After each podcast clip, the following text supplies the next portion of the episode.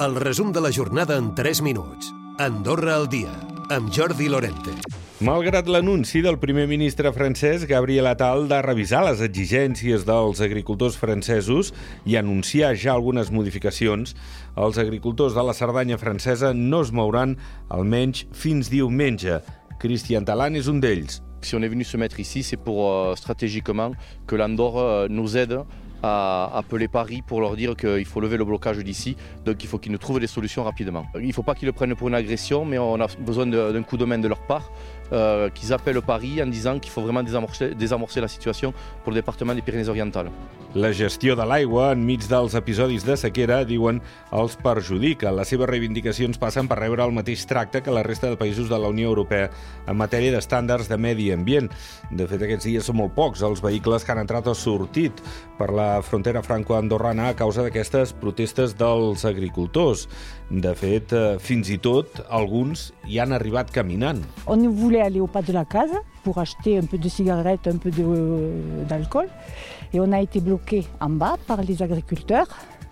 Donc on est monté à pied. Els problemes d'arribada dels turistes afecten directament els establiments i comerços del pas.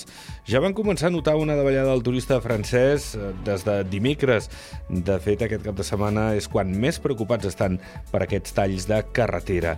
Òscar Ramon, president de l'Associació de Veïns i Comerciants del Pas.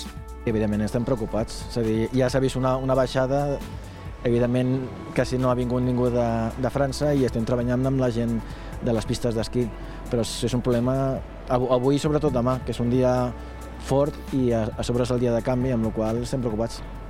Els padrins del carrer Callaueta, que havien de ser desnonats aquest divendres, eh, celebren finalment mantenir-se al seu pis. La justícia ha suspès la decisió per l'apel·lació que ha presentat el seu advocat, que valora que aquesta situació demostra com de dramàtica és la problemàtica de l'habitatge. Ara caldrà veure quant de temps poden continuar a la seva vivenda aquests padrins. Emili Campos. Dependrà del, del fet de que s'aporti l'escriptura pública i es pugui verificar si el demandant això no és el que té la legitimació per demanar el desnonament de la senyora Isabel. Hi ha un problema gravíssim i, a, i el cas de la Isabel és la punta de l'iceberg. Suport d'Andorra a Kosovo per esdevenir membre del Consell d'Europa. Ho ha manifestat la ministra Imator durant la reunió amb la seva homòloga de Kosovo. Hem compartit la llarga experiència d'Andorra com a membre d'aquesta organització, el, el Consell d'Europa, i eh, li hem manifestat el ple suport del Principat d'Andorra per a aquesta adhesió eh, de Kosovo al Consell d'Europa.